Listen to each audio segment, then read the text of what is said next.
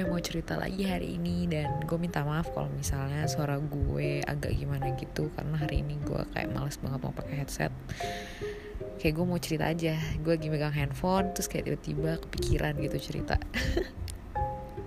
Jadi uh, alhamdulillah saudara salah satu dari saudara gue ada yang dilamar lagi gitu kan. Umurnya cuma beda setahun sama gue dia lebih tua gitu dan dia sebelumnya pacaran eh, enam uh, tahun kemudian putus kayak sebulan atau dua bulan setelah putus itu dia langsung dapet yang baru ini dan langsung dilamar gitu kan. Tapi di satu sisi yang lain ada uh, ada saudara gue yang lain yang sama umurnya dan dia sampai sekarang belum pacaran. Dan kalaupun pacaran kayak main-main gitu. Nggak ada yang ngajakin dia nikah gitu kan. Uh, terus pas gue tahu berita bahwa salah satu saudara gue itu ada yang dilamar gue langsung dong datang gitu kan. Gue datang ke rumah saudara eh ke kosan saudara gue yang satu umur nih sama yang dilamar ini gitu. Pas gue dateng ceritalah ya saudara gue yang belum mendapat pujaan hatinya ini belum mendapat jodoh ini bilanglah ke gue kalau dia tuh uh, nangis pas dikasih kabar bahwa salah satu saudara gue itu dilamar gitu. Ya ini sih sesuatu yang menurut gue menyedihkan gitu loh. Kayak ya walaupun lu satu umur belum tentu lu ketemu jodoh yang sama di umur yang sama gitu kan di satu sisi saudara gue yang belum mendapat jodoh ini tahu bahwa dia itu tidak mengincar pernikahan. Untuk sekarang tidak mengutamakan pernikahan di hidupnya gitu. Dia masih ingin mengejar karir. Tapi dia tahu kalau saudaranya yang satu umur sama dia ini nikah, yang akan digencet setelah ini adalah dia. Dan dia tuh dan saudara gue yang belum dapat jodoh ini tuh sampai bilang ke gue yang kayak sumpah please ja apa nanti nanti aja lu nikahnya.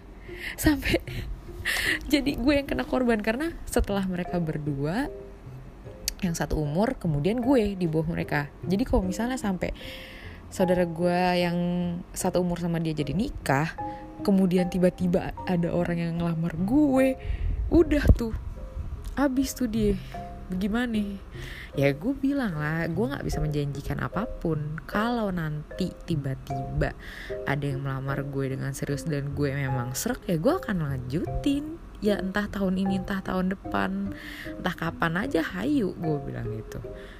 Karena gue ya hayu aja. Gue bukan model manusia yang menutup kok gitu kan beda sama dia gitu kan. Jadi ada ketakutan tersendiri yang membuat gue sebenarnya sedih gitu. Sedih karena uh, alhamdulillahnya gue dibesarkan di keluarga yang nggak pernah menuntut kayak gitu ya. Jadi uh, malah bapak gue tuh sangat menjunjung tinggi anak-anaknya untuk nanti aja nikah. Lo nikmatin hidup lo selama mungkin gitu. Karena menurut dia tuh single adalah salah satu cara lo menikmati hidup menurut bapak gue gitu. Uh, karena kalau misalnya lu udah menikah lu udah punya tanggungan lu mau ngelakuin apa yang lu suka tuh lo harus mikir dua kali tiga kali karena lu punya tanggungan setelah ini gitu. Tapi untuk ibu gue pun juga nggak pernah memaksakan apa pun karena uh, di satu sisi ibu gue tahu kalau uh, jodoh itu dipaksa-paksa yang ada tuh ya di pertengahan jalan ya bubar buat apa gitu kan dipaksa. Jadi ya lakuin apa yang lo mau. Menurut lo mereka dia bukan pilihan lo it's okay gitu. Lo mau nanti umur 35 menikah ya it's okay. Ibu gue selalu bilang gitu tapi ya menerima resikonya gitu kan. Ya punya anak di umur yang tua lah atau uh, apa namanya uh, ada tekanan dari uh, orang lain ya itu gue harus terima kayak gitulah. Tapi dan untungnya juga gue tuh dibesarkan lebih dekat ke keluarga ibu gue yang memang menganut kebebasan itu kebebasan untuk ya semua orang punya waktunya masing-masing nggak akan sama gitu loh. Sedangkan si saudara dua saudara gue ini yang sudah dilamar dan belum menemukan jodohnya ini yang satu umur ini itu mereka berdua adalah saudara gue dari keluarga bapak gue. Di mana keluarga bapak gue itu menganut kepercayaan bahwa uh, ya lu nggak bisa nikah di umur yang sudah tua gitu loh. Di umur yang 27, 28, 29 apalagi 30 tuh adalah sesuatu yang haram hukumnya gitu kan uh, dan apa namanya? Nenek gue pun nenek gue dari bapak gue ya berarti ibunya bapak gue itu sampai uh, pas ibu gue mau nikah aja sama bapak gue tuh tuh nggak dibolehin karena pada saat itu kalau ibu gue sama bapak gue nikah di tahun itu gitu ya itu mereka akan melompati kakaknya bapak gue yang belum nikah. Dan nenek gue nggak mau. Jadi ibu gue harus nunggu sama bapak gue sampai uh, om gue nikah. Baru abis tuh ibu gue sama bapak gue nikah gitu. Dan itu sesuatu yang absurd dan bapak gue nggak mau hal itu terjadi sama anak-anaknya gitu loh. Jadi dia benar-benar membebaskan anak-anaknya mau apa pun yang lo lakuin lo terima konsekuensinya. Yang lain tentang omongan orang atau kayak ya bapak gue tahu gitu loh kalau misalnya pun gue nggak nikah eh, tekanan terbesar akan datang dari keluarga bapak gue. Dan bapak gue udah siap untuk magerin gue lah gitu kayak dia yang bakal ngurus deh keluarga bapaknya gitu. Yang penting kamu bahagia sama pilihan kamu gitu itu sih yang gue salut sama bapak gue walaupun dia dibesarkan dengan keluarga kayak gitu tapi dia tidak dia tahu gitu loh nggak enaknya di apa ya dibatasi kayak gitu ditekan kayak gitu jadi dia nggak mau melakukan itu ke anak-anaknya. Cukup gue terakhir gitu loh. Anak gue akan melaku akan membebaskan anaknya juga gitu. Dia berharap gue juga membebaskan anak-anak gue kel kelak untuk memilih jalannya tuh maunya apa gitu. Dan untuk saudara gue ini kasihan sih.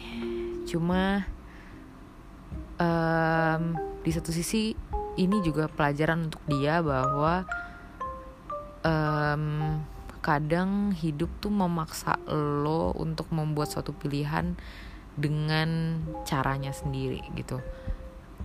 Walaupun saudara gue ini yang belum menemukan jodohnya itu memang masih memprioritaskan pekerjaan tapi di satu sisi sebenarnya dia adalah uh, merasa empty gitu merasa lonely gitu kan. Tapi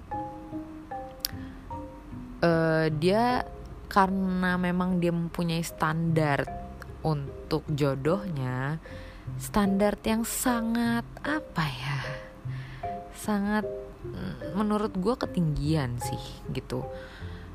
Dan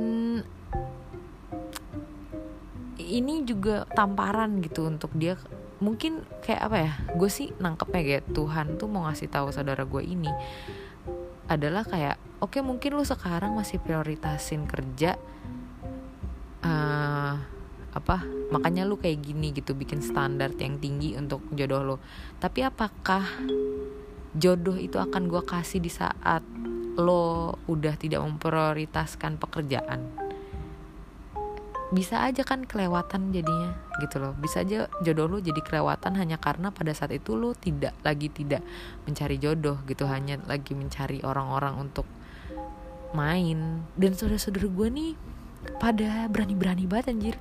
Gue mah maksudnya gue kalau nggak suka sama orang gue nggak bisa tuh kayak pro-pro suka atau kayak ya udah temenan dulu chatan dulu tuh nggak bisa. Kayak kalau gue udah chatan sama tuh cowok ya berarti gue suka sama tuh cowok kalau misalnya gue nggak suka ya gue nggak akan memaksakan diri gue untuk membalas chat-chatan itu. Kok ini mereka tuh nggak oh gue mau uh, lu kenapa bilang lu nggak suka sifat mereka tapi masih di chat? Ya gue just having fun.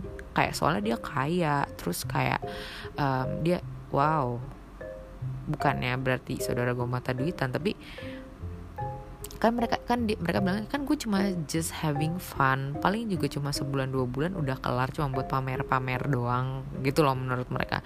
Cuma menurut gue itu kayak semu aja gitu loh. Tapi ya balik lagi sih pilihan masing-masing. Gue nggak bisa komen juga ya.